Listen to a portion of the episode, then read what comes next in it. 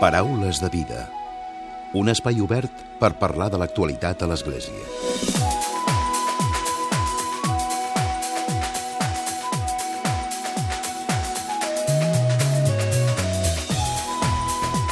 Què tal? Salutacions i molt bon dia, molt bon diumenge. Avui tanquem temporada del Paraules de Vida i ho fem conversant amb Jaume Sant Llorente, fundador de l'ONG Sonrises de Bombay.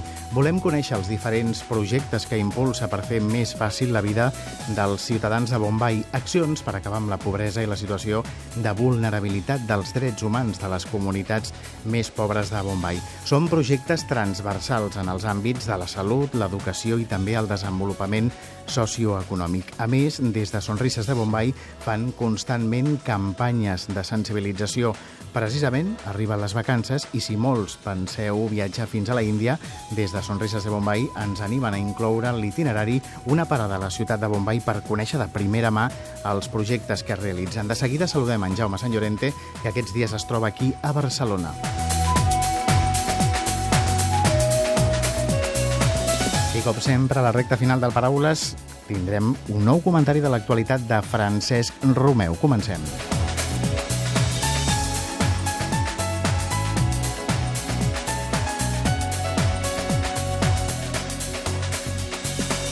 I saludem, donem la benvinguda a en Jaume Sant Llorente. Molt bon dia i benvingut. Molt bon dia, Emili. Benvingut al Paraules de Vida. Gràcies. Com està la situació a Bombay actualment? Bé, ara mateix, literalment, està plovent tot el dia, uh -huh. la qual cosa eh, no és només una broma, sinó que pensa que més d'un 60% de la, de la ciutat viuen eslams, en infravivendes, amb uralita, que està en molt males condicions, eh, igual en un espai de 6 metres quadrats hi viuen 9 persones que s'han de tornar per poder dormir dins o fora. Imagina't en època de pluges, amb inundacions, amb les infraestructures com estan, eh, cada any realment hi ha morts als eslams de Bombay. Això molt poques vegades ho he vist que arribi als mitjans d'Occident, no? I realment és un drama. És un drama passar unes pluges eh, que duren a més dos o tres mesos en aquestes condicions, no? lamentables. Parlem de Sonrises de Bombay i de les diferents accions que feu. Tenim poc temps, però intentarem explicar tot allò que, que feu des d'allà. Ara ho dèiem a la portada, diferents accions a nivell de la salut, a nivell socioeconòmic. Exacte, nosaltres treballem amb, amb aquestes zones de barraques, els islams de Bombay, on, com et comentava, la situació és, eh, és terrible, terrible, i intentem una mica abordar totes les problemàtiques, no? poder eh, treballar els drets humans des de diverses perspectives. No? Una és l'educació, intentant cobrir tota l'edat fins a aquella persona doncs, eh, ja és adulta, ja ha acabat eh, lliurement els seus estudis eh, superiors, per tant, doncs, podríem, et podria parlar de beques, et podria parlar de, sobretot, l'educació de la nena, que estem donant moltíssima importància, si vols després Sí. en parlem més, i actualment també comptem amb 29 eh, parvularis a diverses eh, zones de Bombay, a més, eh, dos, precisament, ja des d'aquest de, des mes, un exclusivament dedicat a nens del carrer i l'altre exclusivament dedicat a fills de víctimes de tràfic humà, que és un tema també terrible a Bombay, terrible. Parleu, feu la tasca amb les nenes sobretot i, i parleu de la discriminació que tenen, que és triple. Mira, eh, feia poc estava llegint un article on deia que dels països del G20 el pitjor per néixer nena és la Índia. No? És, és, és lamentable, realment, la discriminació que hi ha cap a la nena és una cosa que passa fins i tot... De fet, l'Índia és un dels pocs països del món on està prohibit saber el, el gènere del nadó abans de que neixin, perquè en molts casos, quan se sap, se sabia que era nena, eh, s'avortava. La mare directament es tirava d'unes escales o, i això a vegades suposava fins i tot la mort de la pròpia mare. No? Per tant, aquesta prohibició concreta, veient les circumstàncies que hi ha a l'Índia, no em sembla tan, tan malament no? dins de la situació que passa. El que, el que succeeix és que s'ha de treballar molt més perquè realment eh, una nena pugui ser considerada la societat de la mateixa manera que un nen. No? Sobretot, nosaltres ho veiem molt amb el tema educatiu. Eh, quan arriba cap als 7-8 anys aproximadament, hi ha un índex d'abandonament escolar molt gran i moltes vegades, malauradament, això va associat a que la pròpia família, fins i tot la casada amb 7-8 anys, doncs en un senyor de 70 d'un altre poble de l'Índia. No? La paraula clau és l'educació, no?, per l'empoderament futur de la, de la nena, no?, de Totalment, la futura dona, no?, totalment. que tingui capacitats... Totalment. I treballar l'empoderament de la dona no només és l'empoderament de la dona en si, és l'empoderament de l'home, per tant l'empoderament de la nena és l'empoderament del nen, no serveix de res si no es fa en paral·lel, i sobretot l'empoderament de la família. No serveix de res cobrir de tot el cicle educacional amb un menor, amb una menor en aquest cas, de tota la salut que faci falta, de programes de desenvolupament, si no hi participa directament la família. No serveix absolutament de res, perquè aleshores la feina que fem eh, seria totalment en va. No? Uh -huh. Parlem de les novetats que hi ha també en els projectes d'educació escolar. Doncs, eh, sobretot... Preescolar, ha... no? Sí, preescolar, preescolar. Doncs, sobretot, com et deia, no? hi ha una, una lacra terrible a Bombay, està considerada, segons ECPAT Internacional, que és una de les entitats contra l'explotació infantil, jo diria, més fiables eh, internacionalment, Bombay actualment ja està a punt de ser el número 1 d'explotació eh, infantil per, eh, per fins sexuals, és a dir, per treballar en la prostitució. No? Bombay, Bombay, per sobre de Manila i per sobre de Bangkok, que són ciutats que sempre, sobretot Bangkok, no? s'ha associat una mica a aquest tema. No? Doncs actualment Bombay és una d'aquestes ciutats, nenes de 5, 6, 7 anys que són venudes per les seves famílies o segrestades en altres llocs de la Índia i que són forçades a la prostitució amb aquestes edats. No? Moltes vegades fins i tot en, en un país on hi ha moltes creences lligades doncs, a que el curandero del poble de turno de la zona diu que, per exemple, una persona seropositiva ho deixarà de ser si eh, doncs té relacions amb una nena de 5 anys o 6 anys, amb la qual cosa després d'això tenim una altra nena portadora, no? que més no rebrà un tractament antiretroviral i... i el problema es va fer més gran. Totalment, totalment. És, és realment tràgic, és tràgic. El tema del tràfic humà és tràgic. I a la Índia, malauradament, va en augment. Uh -huh. Jaume, jo fa temps que t'entrevistava quan posaves en marxa Sonrises de Bombay. Han passat uns quants Una anys. miqueta, eh? Han passat uns quants anys. Com, com ha anat evolucionant? Des que tu t'instal·les en allà, fundes l'ONG, reps el suport de, de molta gent que hi confia la vostra tasca, com, com ha evolucionat i, i com ho veus a dia d'avui, ara? Doncs mira, són, són 12 anys ja, imagina't. No? És, és, és, no és poca cosa, no és poca cosa. Doncs home, jo crec que és com un, com un nen, no?, una mica. És a dir, quan neix és molt mono, és molt maco, després... Ara tens a l'adolescència. Va creixent, ara està a l'adolescència, i ara està a l'adolescència aquella època que se li ha de donar una mica una empenta, no? De dir, espavila, espavila. Per això ara estem amb molts nous projectes, no?, amb, en reptes. No ens agraden els camins fàcils, perquè creiem que, que a vegades no condueixen a res, no?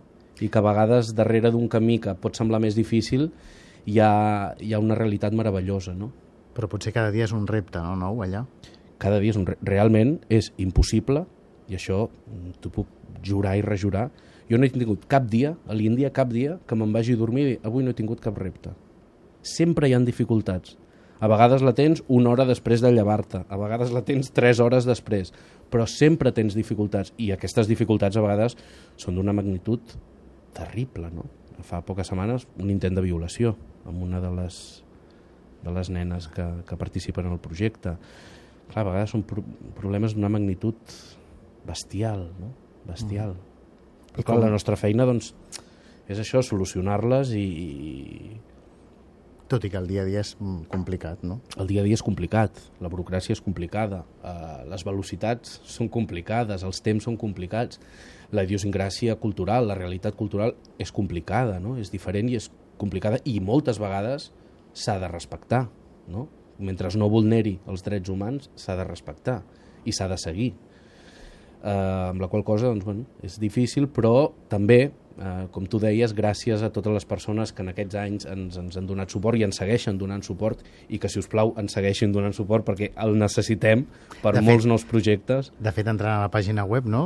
Eh, hi ha tota la informació també, eh, de manera molt transparent, de què es fa i, i, i quins són els projectes que estan en marxa. Exacte, és tan fàcil com entrar sonrisesdebombay.org i, i de debò que sona que em toqui dir-ho, però bueno, és que ho vull dir, vull dir realment una quota de soci, que són 10 euros al mes o 15 euros al mes, poden evitar literalment, literalment, no és perquè sigui més maco dir-ho així, és que literalment poden evitar que una d'aquestes nenes de les que us parlava, el districte de les Llums Vermelles, fugi d'aquest destí tan cruel. Parlaves de reptes. Quins reptes eh, tindríeu? O teniu ara? Doncs mira, ara tenim, eh, com et deia, poder fer més incidència en el tema del tràfic humà i això en si ja és, un, ja és tot un repte. Eh, mira, només aquest any l'obrir un parvulari per 30 nens que són fills de víctimes de tràfic humà, no? de moltes dones que encara estan en temes policials per poder sortir de la màfia. O sigui, nosaltres estem donant educació a aquell nen, no? Doncs això ja és un repte en si, no és fàcil. Després, l'altre parvulari que obrim també, eh, amb 30 nens del carrer, famílies del carrer, nens del carrer, és un altre repte, no? Sobretot el poder... De fet, per això s'ha fet un parvulari exclusivament per nens del carrer, perquè l'abordar aquest tema no es pot fer... Pot sonar molt maco, que de forma inclusiva, fos tot molt fàcil, però és que és impossible. Les problemàtiques són unes altres. Eh, segurament, si tinguéssim nens del carrer, altres nens de les zones de barraques, estem parlant de zones de barraques, eh, de gent extremadament po pobra, però fins i tot dins d'aquesta gent extremadament pobra no els hi agradaria que el seu fill estigués amb un nen del carrer. O sigui, tot el tema de les subcastes dintre de les castes més baixes, no? Quan les castes estan abolides oficialment de la Constitució índia des dels anys 50, en teoria. En teoria, no? En Clar, teoria. En teoria. En teoria, no? Uh -huh. Aquest any també hem començat a treballar molt amb comunitats d'àlits intocables, eh, també adivacis, comunitats tribals. No? Pensa que enmig de Bombay, que és una, una megàpolis enorme, encara hi ha zones que són mm, jungles, que són... Mira, hem obert precisament un, un parvulari en una zona on per anar al centre escolar més proper, la gent d'aquell poblat, d'aquella zona, havien d'anar caminant i l'any passat una pantera es va menjar un nen, que és germà més d'un nen que va al parvulari aquest any. déu nhi Clar, són problemàtiques, com et deia abans, no, Mili? Són problemàtiques d'una magnitud... Ostres, jo sé que aquí hi ha pobresa, també, ho sé, però és que parlem d'una vulneració de drets humans ferotge, ferotge, que jo no l'he vist mai aquí, mai a la vida. Eh? Hi he vist pobresa, evidentment, i arreu del món, uh -huh. però amb uns límits terribles l'he vist a Bombay, terribles. Per -huh. això val la pena seguir-hi treballant, seguir-hi treballant. I jo sempre dic que tot l'equip que composem, Sonrises de Bombay, fins que, que mentre quedi un sol pobre en aquesta ciutat no deixarà de treballar. Passa molt ràpid el temps. Jaume, per acabar, ens queda un minut. És que m'enrotllo molt. no, no, perquè és molt interessant el que expliques. Feu un concurs a través d'Instagram, de fet sou molt actius a les xarxes socials, a Facebook, Twitter, a Instagram, aneu informant, i un concurs que també té les nenes com a protagonistes, crec, no? Sí, de fet, Instagram ens ho poden enviar per correu, poden publicar a Facebook, on vulguin. Eh, cada any eh, fem un concurs de fotografies, les seleccionades són publicades al calendari que publiquem anualment i cada any hi ha un tema. Aquest any és la nena, no? Eh, la nena, la dona, que és un tema sobretot que estem donant molta importància a Sonrises de Bombay, amb el títol de la Índia de les més valientes, la Índia de les més valentes, i tenen, eh, ens poden enviar fotografies de nenes o de dones que hagin fet a l'Índia. No fa falta els projectes de Sonrises de Bombay, on sigui, i tenen de temps fins al 10 de setembre. Doncs és aquí animem també i a que entrin a la pàgina web sonrisesdebombay.org, oi? Exactament. Jaume, gràcies, com sempre un plaer retrobar-te. A tu. I que vagi molt bé, bon estiu. Gràcies, Emili. Paraules de vida amb Emili Pacheco. I tot seguit arriba el comentari de l'actualitat de Francesc Romeu. Francesc, molt bon dia. Molt bon dia a tothom. Aquest és el nostre darrer programa d'aquesta temporada. Ens anem de vacances i avui ben bé podríem dir que la notícia més important som nosaltres, o millor dit, tots vosaltres que ens escolteu tan fidelment. A tots us volem desitjar molt bon estiu. Escullo tres paraules per definir l'estiu. Descans, treball i canvi. Per moltes persones l'estiu és el temps de vacances i per tant és un temps per descansar. Descansar de la feina, de la vida laboral i endinsar-nos una mica més en la vida familiar i el cultiu de les relacions i les amistats. Temps per viatjar, temps per llegir i escriure, temps per pensar i endreçar les idees, temps per fer esport i per caminar. Molt de temps i moltes hores per endavant. Però què vol dir descansar? Perquè no tothom sap descansar. I aquí durant l'estiu i fent vacances es cansa més que treballant, justament pel desfici de fer més i més coses durant aquests dies. N'hi ha que faran viatges esgotadors, amb uns horaris superiors als laborals, o amb una mobilitat i uns desplaçaments que nosaltres no suportaríem en les nostres feines. Tots aquests tornaran de les vacances desitjant incorporar-se al ritme més ordenat del treball. Però també per moltes altres persones l'estiu és un temps de treball, de molt de treball. Hi ha moltes persones que sort en tenen de poder treballar a l'estiu. Penseu que amb el nostre descans generem molta feina a altres persones. Si viatgem, si anem a un restaurant, si sortim a la nit. Molta gent que treballa per nosaltres. I no sols el treball remunerat, també hi ha el treball a casa, que sempre sol recaure en la mateixa persona. Pensem que sense l'horari escolar tenim les mares molt més atrafegades, amb els àpats i les rentadores, amb els avis que poden gaudir molt dels seus nets, però que a la nit s'adormen ben cansats. Pensem en els monitors i monitores que aquests dies estan de ple en els casals, les colònies, els campaments i les travesses de muntanya. Tots són gent que treballen per nosaltres, pel nostre descans i perquè ens ho passem bé. Per molta gent, aquests mesos d'estiu són els únics de l'any que tindran un contracte seriós de treball o alguna feina mig precària, gràcies a les dures tasques de l'agricultura durant l'estiu o en els sectors dels serveis al turisme. I la veritat, me n'alegro molt per ells, perquè tots sabem com dignifica la persona el fet de tenir treball. O encara millor, el fet de poder obtenir una retribució econòmica digna pel fet de treballar. Però a banda del descans i del treball, aquest any us voldria parlar de l'estiu com a temps de canvi. Hi ha moltes persones que un estiu han donat un tom radical a la seva vida. I no em vull referir a la trista notícia de cada any quan ens diuen que el setembre augmenta considerablement el nombre de divorcis i de separacions degut a la dificultat i dura de la convivència en l'estiu, sinó que em refereixo a gent que un estiu s'han replantejat totalment la seva vida – aquest és el cas del nostre convidat d'avui, en Jaume Sant Llorente, que després d'un estiu dur de treball va anar a l'agència de viatges per buscar un descans a l'Àfrica i va acabar anant a la Índia. I tot veient el darrer dia un orfenat d'un barri de Bombay va canviar totalment la seva vida fins ara. Em refereixo a aquests canvis que es poden tenir a l'estiu si anem amb els ulls ben oberts i el cor ben disposat. En Jaume sempre diu que tothom en el seu lloc hagués fet el mateix. Jo també ho penso, però hi afegeixo també la seva gran disposició.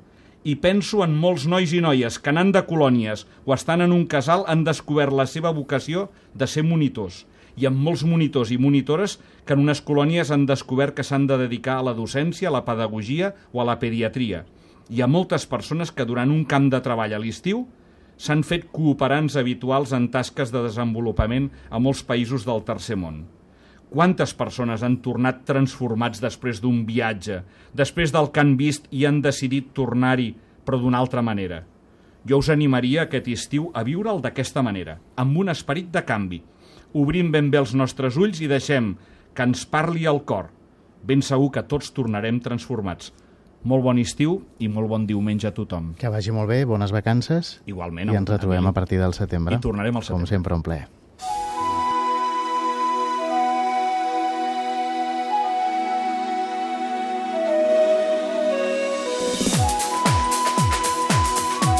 Fins aquí el Paraules de Vida d'avui diumenge i d'aquesta temporada. Fem, com cada any, la pausa estival. Gràcies, com sempre, per seguir-nos diumenge rere diumenge. Si voleu, ens retrobem a principis de setembre. Això sí, us farem matinar una mica més, ja que us acompanyarem a partir de dos quarts de sis del matí cada diumenge. Esperem que ens continueu fent costat, com sempre serà tot un plaer. Fins aviat. Us oferim la carta dominical de l'arcabisbe de Barcelona, Joan Josep Omella.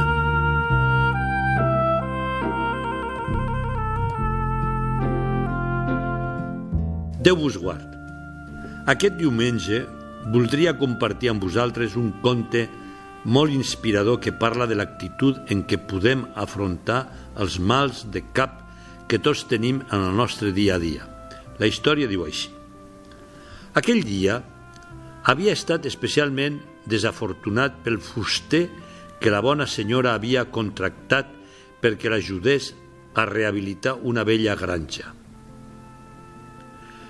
La treballadora elèctrica s'havia obstinat a no funcionar i ara, quan ja es feia fosc, el vell camió no volia engegar-se. Jo l'acompanyo amb el meu cotxe a casa seva, es va oferir amablement la senyora. Gairebé no es van creuar cap paraula durant tot el trajecte. El rostre de l'home era una estampa de desànim i cansament. No obstant això, quan van arribar a destí, va somriure penosament i va convidar la senyora a entrar un moment a casa perquè conegués la família. Mentre es dirigien a la porta, el fuster es va aturar un moment davant un petit arbre i va acariciar-ne les branques. Quan va entrar, va ocórrer una transformació sorprenent. La cara del fuster es va il·luminar amb un gran somriure.